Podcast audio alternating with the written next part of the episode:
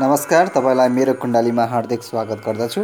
तपाईँले दिनुभएको विवरण विक्रम सम्म दुई हजार बाहन्न वैशाख महिनाको पच्चिस गते छ बजेर पैँतालिस मिनट बिहानको अनुसार तपाईँको राशि कर्कट हुन्छ। अहिले विषमतर दशा अन्तर्गत तपाईँलाई शुक्रको महादशा चलिरहेको छ र यो दशा दुई हजार पचासी सालसम्म रहनेछ।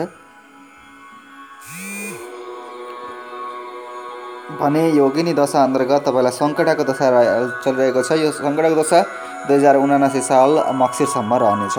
सङ्कटाको दशा अशुभ दशा हो र यदि तपाईँको विवाह भएको छैन भने अझै उनासी सालसम्म अझै एक वर्ष अझ दुई वर्ष विवाहको लागि शुभ छैन।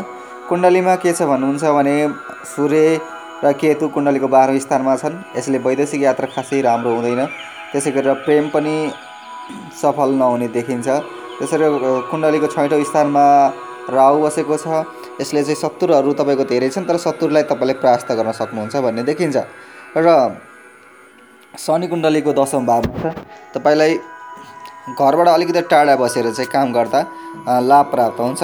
जे काम गर्नुहुन्छ त्यो सुस्त बिस्तारै त्यसबाट सफलता प्राप्त हुन्छ। एउटा काम गर्ने अनि बिचमा छोड्ने बानी चाहिँ नबसाल्नु होला।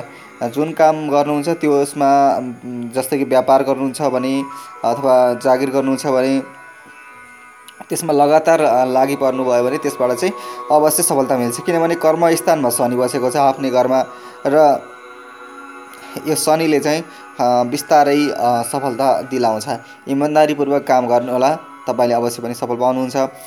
जस्तो कि व्यवसाय गर्न चाहनुहुन्छ भने कस्मेटिक र श्रृङ्गार सम्बन्धी सामानहरू फेन्सीहरू व्यवसाय गर्न सक्नुहुन्छ। त्यसै गरेर कलाकारितातिर पनि तपाईँलाई राम्रो छ।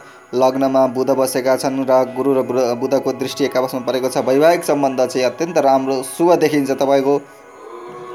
विवाहपछिको भाग्योदय भएको देखिन्छ। बुध लग्नमा बसेको छ र बृहस्पति सब सप्तम भावमा बसेको छ। सप्तम भावबाट तपाईँको श्रीमानको हेरि हेरिन्छ।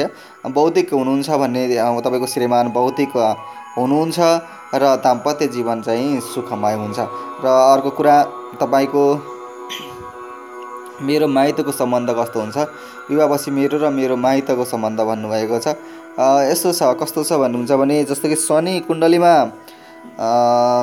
दसौँ भावमा बसेको छ बुवाको स्थानमा बसेको छ।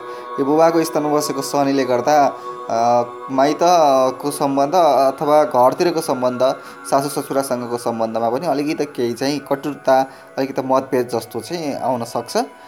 तर त्यस्तो आत्तिनुपर्ने चाहिँ केही पनि छैन।